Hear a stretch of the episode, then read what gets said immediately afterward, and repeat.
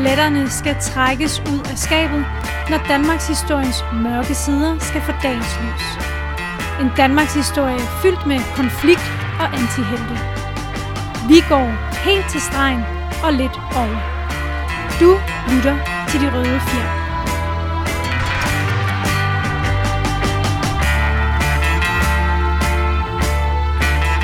Goddag og velkommen. Du lytter til De Røde Fjer. Og nu har vi jo faktisk et folketingsvalg lige på trapperne. Og øh, Andreas, vi er jo nået til vores anden episode om øh, øh, folketingsvalg, i, i hvert fald i denne omgang. Nu må vi se, hvornår det næste valg bliver udskrevet, udskrevet efter det her. Men det her folketingsvalg, jeg har med i dag, det er øh, om øh, folketingsvalget den 3. april 1901. Mm-hmm. Kendte rammer jo, altså fordi at det er jo den samme periode, som vi lige den serie, vi lige har dækket, den der hedder Den Hvide Elefant. Mm-hmm. Så altså med H.N. Andersen og ØK og alt det her. Landmandsbanken og Ja, det ja, hele. ja, ja, lige præcis. Og vi snakkede om det sidste gang, så snakkede vi jo om folketingsvalget 1872, hvor jeg sagde, at det er, jo, det, det er jo spændende, fordi der sker noget nyt, men det er sådan set totalt politisk ligegyldigt. Og øh, det samme er tilfældet med Ja, eller, folk- eller ligegyldigt i den forstand, at selve, ændrer- selv, ændrer selve noget. valgresultatet er ikke det, der var det interessante. Mm. Øh, fordi det tænker jeg også lidt i forhold til vores sidste afsnit, det her med Socialdemokratiet. Fordi det var jo, hele begivenheden omkring det her valg har jo været skilsættende i forhold til den måde, Socialdemokratiet blev startet på, og, og deres partis oprindelse og deres origin myth. Ja. Men valgresultatet i sig selv, hvor de fik... Nej, hvor nej, de, selve de, valget. Altså, så, ja, det endte, ja. jo ikke med, det endte, jo, endte jo ikke med at ændre noget. Og jeg tænker, det er det samme, når vi siger det her med det valg, der var ligegyldige, så er det det her med, at det selve valgresultatet Ja. var det, der var. Mandaternes fordeling, Ja, ja, hvad hedder det, vælgernes dom og andre højt besungede, hvad hedder det, demokratiske floskler. Det var ikke det, der er det interessante ved det her valg. Nej, præcis. Og øh, netop helt markant ved folketingsvalget 1901 jo, altså for ja, ganske få uger siden, sige en måned siden efterhånden, der, øh, der lavede vi jo en episode, der hed Paladskuppet. Og det er jo det samme år, som ja. det her folketingsvalg. Og der skal man lægge mærke til datoren, Andreas. Fordi det her folketingsvalg i 1901, det foregår den 3. april, men paladskuppet, det bliver først ligesom endegyldigt, ligesom for at opnå sin konklusion, den 24. juli. Okay, så alligevel nogle måneder efter. Ja, så du har en absurd situation, hvor man går til valg i foråret, og så sker der ikke en skid. Lige indtil, at H.N. Andersen, han trykker på, men det, sidste, det, ved, det ved offentligheden ikke. De ved jo ikke, hvad der foregår jo, mm. på Amalienborg og alle mulige andre steder med ØK og H.N. Andersen. Men så om sommeren lige pludselig, så får man ny regeringsskift, fordi så har H.N. Andersen ligesom bedrevet sit, sit troldmandsspil ude i kulissen i mellemtiden. Så derfor bliver situationen bliver endnu mere grotesk, at man har været til valg, og så sker der ikke noget i flere måneder, og så lige pludselig, bum, så får du så det, der hedder systemskiftet, eller som jeg har døbt det, paladskuppet. Mm. Men jeg tænker, vi har lige allerede smidt nogle forskellige navne og ting og sager på bordet. Jeg tænker, det er måske meget godt, også hvis der er nogle lytter, der ikke har lyttet til Den Hvide Elefant, at de bare lige ved, sådan en som øh, H.N. Andersen, hvem er det, han er? Ja, jamen altså, H.N. Andersen, han er jo kort fortalt, han er jo en, øh, en lollik øh, fra Nakskov, som øh, tog til Thailand og fik øh, opbygget en business, øh, ikke ved øh, dygtighed øh, eller, eller kundskaber, nej, mere ved, ved held. Og, øh, og det der med, at han var et politisk redskab for ja, Landmandsbanken først, og senere her i 1901, det er jo her, det store skift gør, at han bliver simpelthen, øh, han bliver den her edderkop. Han bliver Danmarks skyggediktator. Mm. Det, det simpelthen kulminerer det her år, hvor han jo har brugt årene op til 1901 til ligesom at bygge sin virksomhed og bygge sin indflydelse, bygge sit netværk. Og så i 1901, der har vi konklusionen ikke? På hans hårde arbejde, hvor han jo faktisk de facto tager magten. Øh, Kommer ind, får skubbet Estrup ud, som vi talte om i sidste episode, altså diktatoren Estrup, og, og får kontrol med kongefamilien, og med især med Venstre jo, mm. det politiske parti Venstre, og simpelthen også kontrollerer Folketinget behind the shadows. Det er ikke noget, offentligheden ved en skid om. De, øh, de, øh, de tror, at der er et folketingsvalg, hvor de har stemt på oppositionen til øh, højrediktaturet, og øh, Ligesom, så går de, der, ligesom, så går de, der, ligesom de gjorde det så mange andre. Ja, ja, ligesom vi gjorde så mange andre valg. Så går der lige pludselig, ja, 4-5 måneder, og så lige pludselig, så sker der noget. Som, så, det var da godt nok sjovt at dumpe ned fra himlen. Men, men den historie har vi jo ligesom fortalt med Paladskuppet. ja. Jeg tænker lige, det er meget godt, at folk Ja. ja. lige ved, bare lige kort fortalt, hvad det er for en kontekst, det her det Ja. foregår. i. Men nu går vi simpelthen hen til det her valget 1901. Som sagt, som vi lige understreger, valgresultatet rimelig gyldigt. Det er først, når H.N. Andersen har sat alle sine brikker op på spil, og han trykker på dominoen, eller hvad man siger, at det hele vælter, og alting passer, og det fikser og bliver klar. Men Folketingsvalget i 1901 er interessant på grund af to nye ting, der sker ved det her valg, som er anderledes for hvad der tidligere er sket. For det første er det den her, øh, det her valg, hvor vi første gang har hemmelig afstemning. Okay. Det vil sige, at det er ligesom valget, du skal til lige om lidt, Andreas. Altså det der med, at du går ned på et valgsted, og der er en stemmeboks. og et stykke papir, hvor du sætter et kryds med en blyant. Ja. Det er Uden- første gang, det sker. Uden at der står en soldat med et gevær og peger mig i ryggen. Ja, ja, ja, Ligesom, ja. ligesom ved, det, ved, ved valget i, øh, i 1872, som vi snakkede om lige sidste, sidste Og gang. alle andre valg Ja. i 1800-tallet. Ikke? Ja. Altså, det er nu er det anderledes, at man går ind i en, en stemmeboks, og så beslutter man sig ind i boksen, og ingen kan kigge på en, om hvad man stemmer. Det er så første gang, det bliver implementeret. Det er ligesom den nye ting. Og den anden ting er, er at der er øh, et flertal, der stemmer imod en politiker. Hvad, hvad tænker du på? De stemmer simpelthen nej til, at de vil have en politiker, der stiller op. Han har et flertal imod sig, men kommer alligevel i Folketinget. Nå, Og det er noget, der hedder Krabbe-affæren. okay. Hvad, hvilket parti stiller han op for? Venstre. Okay. Du er Så- nødt til at forklare mere, fordi jeg, Ja. jeg, jeg, jeg er ikke helt sikker på, forstår, hvad... Nej. Nej, men det der sker er, at ham her, han hedder Christoffer Krabbe for Venstre. Han er sådan en, hvad skal vi kalde det, partiveteran. Han er sådan en mand, der har været Venstre i uendelig lang tid på det her tidspunkt. Han stiller op i Kalundborg-kredsen i Ve- Vestjylland. Men det sjove er jo ved Kalundborg-kredsen på det her tidspunkt, at den inklud- det er selvfølgelig Kalundborg by og omegn, men også hele Samsø er med i den her kreds. Ja. Så ligesom femte kreds, vi snakkede om sidste gang med Nørrebro og Indre By, det er sådan en sjov, mærkelig måde, de har delt kredsen op på. Det samme gælder faktisk den her anden kreds. Mm. Bortset fra, det er jo så over i ja, det vestjyllandske. Ikke? Ja. Og så med Samsø. Krabbe, han stiller op. Han har været spidskandidat i Kalundborg og Samsø i en menneskealder. Han stiller op, men folk går ned til den her afstemning og skriver, fuck Krabbe. Ikke? De skriver nej på stemmesedlen. Okay. De siger nej, nej, nej. Ender med, at det nej, dem der ikke kan lide ham, de altså ligesom, kan man sige, vinder. Fordi Mhm. mm-hmm. der er et flertal imod ham, men han kommer stadigvæk i Folketinget. Det er jo det, jeg synes, vi skulle snakke om i dag, Andreas. Ja. Hvad, hvad er det her for... Hvad, hvad, hvad er det, der sker i Kalundborg, siden at folk går ned og, og, og, og, så, og må så må sige, tegner en stor fed fuckfinger på deres, øh, på deres valgkort og, øh, og sender det ind, ikke? Men altså, der må du være, der er vel også andre på stemmesedlen end ham. Nej, det er der faktisk ikke. Han er, Ja, den eneste, ja, ja. han er den eneste, man kan stemme ja, på. det eneste, man kan stemme på. Og det er jo igen, fordi der er stadigvæk enkeltmandskredse, Ja. som vi talte om sidst. Og det er sådan her, at Kalundborg Samsø er en totalt venstre øh, ja, valgkreds. Mm-hmm. Den har altid været sikker venstre på det her tidspunkt, og det er jo det der med, at der er ikke nogen, jo, at Socialdemokraterne og øh, Højre, øh, de skiftede faktisk lige, er skiftet navn lidt senere til det konservative folkeparti øh, i 1915, nogle år senere. De har også kandidater ligesom i byen, eller, eller de har organisationer, folk, som, som er medlemmer, men problemet er, at der er ikke nogen, der gider stille op, fordi Venstre er så massivt. Okay. Det, øh, men det er meget, meget øh, sparet historie, Andreas. Så nu tænker jeg, at vi lige går igennem. Ja, hvad, os- hvad, hvad, hvad er det, der foregår? Ja, lad os lige tage et par skridt tilbage. Vi har verdens hæderligste embedsstand. Andre steder koster det tusinder at bestikke magtfulde personer. Her kan det gøres med en frokost. For det første, Andreas, vi har brug for lidt, lidt kontekst. Det her øh, i 1901 jo, der er jo det her øh, et af de store spørgsmål, som bliver ved med at vende tilbage i dansk politik igennem hele den her periode. Det er jo selvfølgelig spørgsmålet om god gamle Sønderjylland. Mm-hmm. Fordi som øh, man nok kan huske, Sønderjylland blev jo tabt med krigen i 1864, og øh, de her sønderjyder, de lever jo under tysk undertrykkelse. Ja. Og det er sådan her faktisk, at lige omkring 1901, der er der specielt meget fokus faktisk på det her sønderjyske spørgsmål. Fordi at der er kommet en, øh, ja hvad skal vi kalde det, en øh, virkelig hadsk tysk øh, byråkrat, der hedder Køller. Han er sådan en, øh, tyskerne sender rundt i de tyske kejserige for at undertrykke mindretal. Mm-hmm. Han har været efter polakkerne, han har været efter franskmænd, og nu er det altså danskernes tur, altså sønderjydernes tur. Så han bliver altså ligesom, skal vi kalde det, øh, guvernør i Slesvig-Holsten med det sønderjyske danske øh, spørgsmål øh, som, hoved, øh, som hovedting. Og det han prøver sådan set, han prøver at undertrykke, chikanere øh, på alle mulige måder, gøre li- livet svært for de dansktalende i Sønderland, for at prøve at få dem til at, ja, Flyt, øh, flyt til fly- Danmark. Ja, eller flytte til USA. Okay. Altså, han vil simpelthen gerne skabe en flygtningestrøm. Ja. Og det lykkes faktisk også. Der er mange, der tager afsted.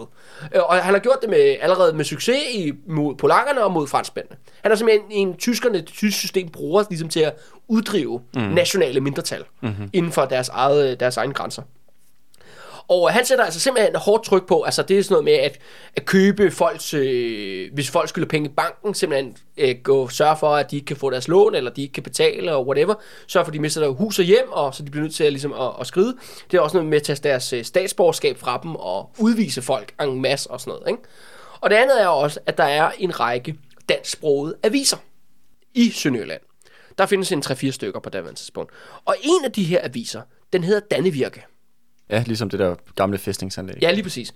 Og den her avises ejer, han er i pengenød. Altså, ja. Han skylder penge. Hvem kommer ind og tilbyder ham og udfrier ham af hans gæld? Jamen, det gør Køller, ham her, den tyske byråkrat. Det accepterer den her danske ejer, men det betyder lige pludselig, at nu kontrollerer tyskerne en dansksproget avis. Mm-hmm. Og øh, der er jo en gammel redaktør, som er, de får at vide, nu skal du til at trykke øh, pro-tysk propaganda, bare på dansk. Den gamle redaktør, det finder han så ikke i. Han, øh, han siger, det nægter han, så han bliver fyret. Og det betyder så, at de skal ud og finde en ny redaktør. Og, de får, og det er jo sådan meget sjovt. Det, jeg tror faktisk, det er måske Danmarks historiens første kvindelige nyhedsredaktør. Margrethe Krabbe bliver redaktør på Dannevirke-avisen. Og som navnet indikerer, er hun datter af Christoffer Krabbe. Ham venstrepolitikeren? Ja, i Kalundborg. Ja. Så du kan se, Der er en forbindelse. Det, der, det her connection er. Og det er jo virkelig, for det første i 1901, det er øh, noget, der vækker opsigt. Man har ikke, øh, ja, ja, det kan godt være måske, der findes en kvindelig redaktør, der er ældre end, end hende her Margrethe, men jeg, jeg kan i hvert fald ikke komme i tanke om det. Mm. Øh, lige på stående fod i hvert fald. Men en kvinde bliver avisredaktør, og så er der også det mystiske, at hun er jo dansk statsborger. Mm. Hun er ikke tysk statsborger, hun er ikke engang sønderjyde. Mm. Men nu bliver hun altså lige dumpet ind for, øh, for højre og bliver altså avisredaktør i det sønderjyske. Og øh, hun sidder ikke særlig længe i redaktørstolen, før at... Øh, Hold da op, der er godt nok øh, mange øh, billeder af den tyske kejser, var i, i, i, den her, i den her avis, ikke? Der jeg godt have skrevet meget, meget positivt om øhm, Køller, og hvor fedt det er at være tysker, og hvorfor, hvorfor skriver vi overhovedet på dansk i den her avis, når vi kunne skrive på tysk, mm-hmm. som er et meget flottere og mere, hvad skal vi kalde det, strengere og hårdere sprog, som, øh, som passer til, til, til den nye tid, ikke? Det er jo så øh, en ting, der foregår i Sønderjylland. Men den, den, Ja, det skaber sker- også nogle bølger i Danmark. det skaber nogle bølger i Danmark, men der hvor shitstormen starter, Andreas, det er selvfølgelig, at Christoffer Krabbe bliver selvfølgelig interviewet til en avis om, øh, hør her, øh, din datter er, øh, er øh, tysk agent. Øh, hvordan forholder du sig til det? Og så siger han, ved du hvad, øh, jeg synes, hun gør det meget godt. Som en tysk agent, eller ja, ja, som tysk agent. Og så har vi jo simpelthen øh, shitstormen. Det er jo virkelig det, folk taler om. Og det griner er, Andreas, i 1901. Folk taler ikke om ØK og H.N. Andersen og Landmandsbanken og Kongefamilien og Estrup og sådan noget, som vi, som vi taler om i Pladsgruppe. De taler om det her. Okay, det, det, det, det er ligesom et stort det, emne. Det er det store emne i 1901. Det og så hende der prinsesse Maries øh, kæletyr. Ja. Det er de to ting, folk er dybt optaget i 1901. Og det griner det der, når man taler om historiske begivenheder i fortiden og sådan noget. Og det her det er vigtigt. Nej, jeg siger jo det her det er vigtigt, det her det er afgørende og sådan noget.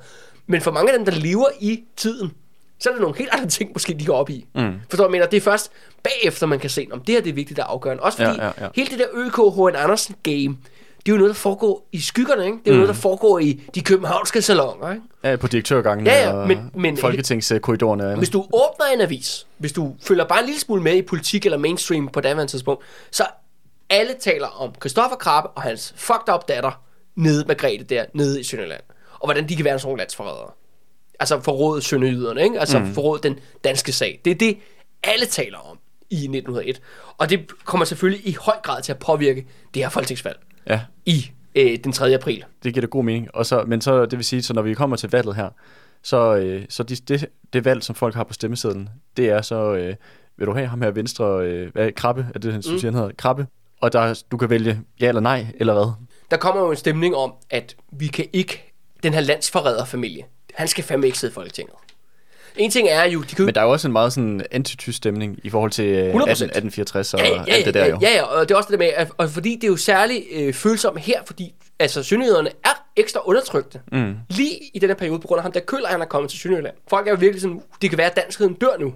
Mm. Altså, han, det, hans mission lykkes, og nu må vi... Ja, de bliver udslettet som Ja, mindretal. ja, ja, ja, det er jo det med, det, at man skal huske på, at 50 år er jo også alligevel lang tid. Sønderjyderne er jo, er jo, underlagt tyskerne, ikke? Så det er jo ikke fordi, at de diskuterer det sønderjyske spørgsmål hele tiden. Nej, nej. ligesom, det kommer ind og ud, og, men det er ligesom, de kalder også selv den blødende grænse. Mm. Men selv lige her omkring år 1901, der er det altså, der er det altså hyped op, ikke? Og de bliver jo sær, øh, og de kan jo ikke gøre noget ved ham, der køller. De kan jo ikke, øh, den danske regering kan ikke få ham fjernet. Det er noget, Berlin beslutter. Men vi kan gøre noget ved Christoffer Krabbe. Mm. Altså simpelthen, det er jo bare, det er jo symbolpolitik. Ja, ja, ja, ja. Det, er jo ikke, der er jo ikke, det ændrer jo ikke sønderjydernes forhold på en eneste døjt. Nej, nej. Men man får fandme skabt en kampagne, ikke? Man får pisket stemning op, ikke? Det her, det er, det er tørklædedebatten. Altså, det er øh, et eller andet øh, ligegyldigt slag, symbolsk slag i luften, ikke? Øh, Men det er jo ikke lige, jeg vil sige, jeg synes ikke, det er en særlig god sammenligning med Nej, tørklæde. nej, Fordi jeg vil sige, der synes jeg, det er meget, har en meget reel øh, funktion i at i stedet for at vi alle sammen skal diskutere, øh, hvordan at vores øh, købekraft bliver udhulet af, af stigende inflation og energipriser, at lige pludselig så skal vi lade med diskutere det, og i stedet for at diskutere, øh, hvad, hvad små øh, øh, hvad det, børn må have på af tøj. Altså, ja, jeg vil sige, ja, det har ja. en meget tydelig afledning effekt i forhold til, hvad de, hvad de reelle meget presserende problemer, folk de står med. Men det her, det udspringer også af det her med ham der krabbeduden. I, øh, det udspringer af et meget også reelt problem, at du har en, jeg sige, en, en, en, en, jeg sige, en minoritet i Tyskland her, som jo bliver forfulgt jo. Ja. Så, og du kan ikke ligesom, du kan ikke gå efter... nej, du kan ikke gå efter bolden, vel? Nej, så må du gå efter manden, ja, altså ja, ja, ja. i form af der krabbemanden. Krabbemanden. Danskerne har ingen mening om politik. De eksporterer svin. Så det første, man gør, man leder simpelthen med lys og lygte efter en anden venstrekandidat. Altså en medlem af Venstre, man kan stille op imod ham. Så man simpelthen har to venstrekandidater i Kalundborg. Og man ender faktisk med at finde en fyr til sidst, der hedder Julius Schødt. Men øh, han er lidt sjov karakter, Andreas, fordi han går under navnet Hofnaren. Ja. Fordi han er lille og pukkelrykket.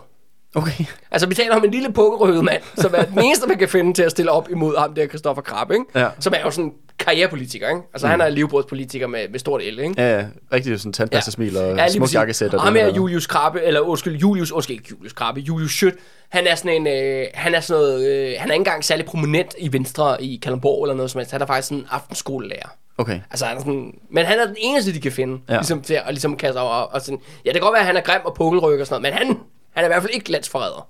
ligesom, ligesom med Christoffer Krab, ikke? Og, og datteren der. Og, øh, og så når vi jo så til, op til, til dagene op til den 3. april. Jo, der er jo voldsomme valgmøder, som vi kender det fra 1872. Der er råben, der er skrigen, der bliver kastet med stole. Og, øh, og det virker som om faktisk, at øh, det er stadigvæk 50-50 faktisk. Og det er det der med, at der, Krabbe, han har altså en base i Kalundborg, som er folk, der er lojale over for ham. Mm-hmm. Igen, man skal huske på, stemmeretten er ret begrænset. Ja, ja, det er begrænset til folk ja, med ejendom. Ja, hvide, hvide, hvide rige mænd, ikke? Og der er mange af dem, der, der vil ligesom vælger at holde fast i, øh, hvad hedder det, i krabbe, men der er så også en anden halvdel, som siger, okay, ved du hvad, øh, øh, det er ikke så sjovt med en hofnar, men ved du hvad, han er mindst ikke landsforræder, ikke? Ham, ham, ham tager vi. Men det, der faktisk er det afgørende i hele det her, øh, i de her ophedede valgmøder, det er jo også, at de, her, de tiltrækker simpelthen alle pressefolk fra København. Altså også eliten, altså kultureliten, kommentatorer, alt hvad du kan skrabe sammen. De er sgu ikke i København under det her valg i, øh, i 1900. De er alle sammen i Kalderborg. Mm-hmm. Det er det, alle taler om. Det er det, alle har fokus på i det her, i det her år. Og det betyder blandt andet også, at Socialdemokraterne, de sender selvfølgelig også nogle, en prominent fyr, der hedder Oscar Jørgensen, afsted til, til Kalundborg for at blande sig. Og det er jo det, Socialdemokraterne stiller ikke op mod Krabbe. De er jo faktisk allieret med ham i sådan noget valgforbund i Kalundborg. Men det, han, de går også ud og begynder at føre valgkamp for Christoffer Krabbe i Kalundborg. Okay. Og ham her, Oscar Jørgensen, han, han gør flere ting. Øh, for det første, så gør han jo så tykt grin med Julius Schødt. Og det andet er jo så også den her aftenskole. Den øh, er der mange arbejdere, der benytter sig af. Altså simpelthen, de, ja, de tager dansk og regning, eller hvad de du gør på aftenkursus. Og der laver han simpelthen at sige til Julius Schødt, hvis du øh, går igennem med det her valg her, så boykotter vi dig. Vi ødelægger dit forretning.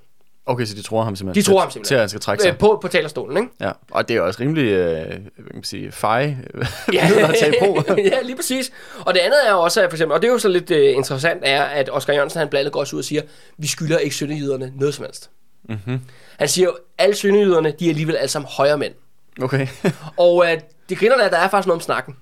Altså fordi, at Sønderjylland øh, altså var virkelig domineret af sådan meget mere højreorienterede kræfter. Mm. Men også fordi, grund af det her nationalt spørgsmål, det er ligesom, det druknede alt andet. Det, altså, det kan godt være, at de uh, siger, at de ikke skylder noget, fordi de er højere mænd, mange af dem.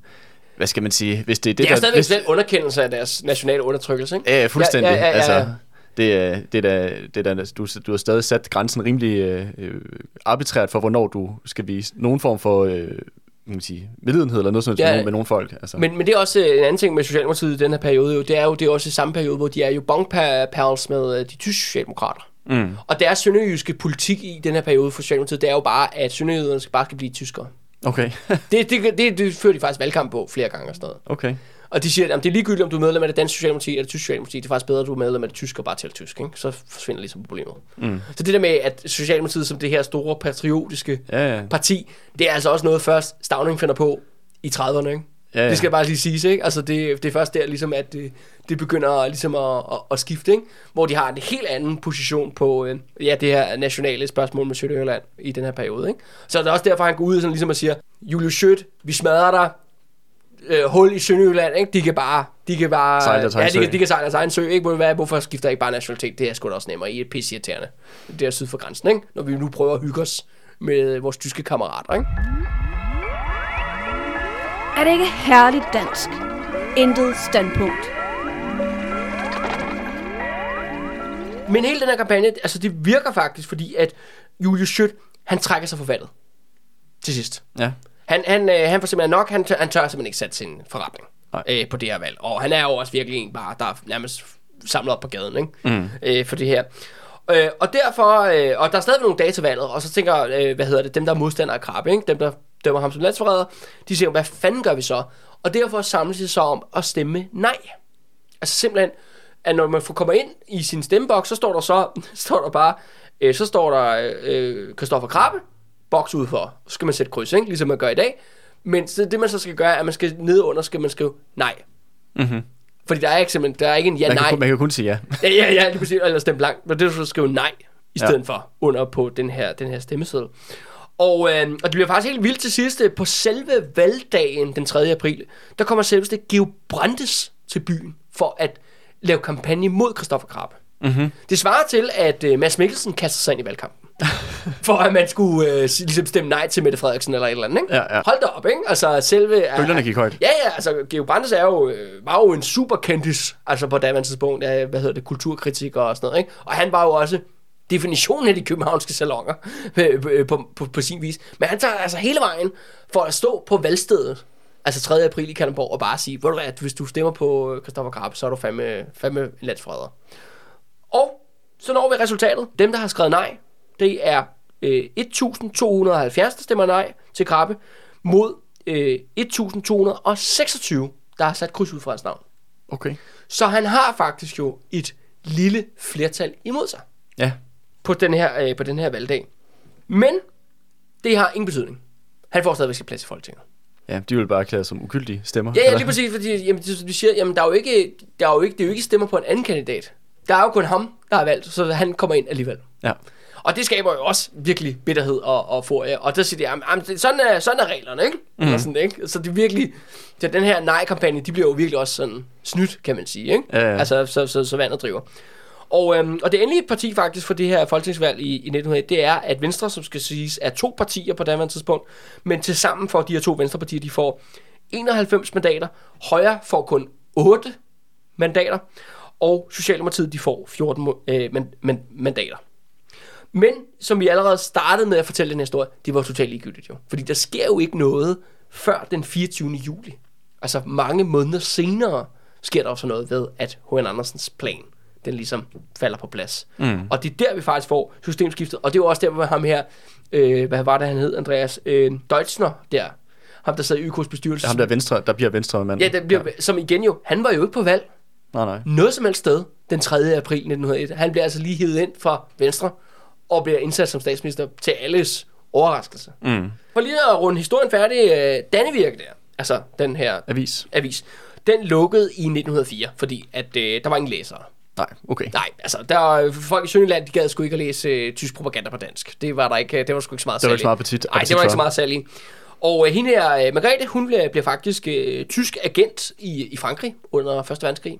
Et er faktisk også med blive udvist øh, fra Frankrig. Mm-hmm. Øh, men øh, ja, men det er ligesom så bare for at sige, hun, hun fortsætter lige nogle år endnu med, Ja. på, på det hold der. Christoffer Krabbe, han bliver faktisk forsvarsminister i Sale 1-regeringen i 1909-1910. Mm-hmm. Så kan man sige, at det havde ingen konsekvenser for ham jo. Han fortsætter sådan Nej, hans karriere, den fortsætter han, han, slutter, han slutter af med ministerpensionen, ikke? Han griner hele vejen til, øh, til banken. Så øh, Andreas, jeg vil bare sige her til, sådan her til sidst, ikke? Altså selv hvis øh, man tegner en øh, forfinger på stemmesedlen, så, øh, så kommer det stadig til at blive minister, ikke? Der er et yndigt land Det står med brede bøge Nær salten Østerstrand Nær salten Østerstrand Det bugter sig i bakkedal Det hedder gamle Danmark. Og det er fra jeg Jasal Og det er fra jeg Jasal der sad i fordumstid. De harnisklædte kæmper, udvilede fra strid, udvilede fra strid. Så drog de frem til fjenders men, nu hvile deres bene bag højens bagtasten, bag højens sted. Det land endnu er skønt, de blåser søen bælter, og løvet står så grønt, og løvet står så grønt. Og ædle kvinder skønne mø og mænd og raske svende, bebo de danskes øer, bebo de danskes øer. Hildret og fædreland, Hild hver en danneborger, som virker hvad han kan, som virker hvad han kan. Hvor gamle Danmark skal bestå, så længe bøgen spejler sin top i bølgen blå, sin top i bølgen blå. Hvor gamle Danmark skal bestå, så længe bøgen spejler sin top i bølgen blå, sin top i bølgen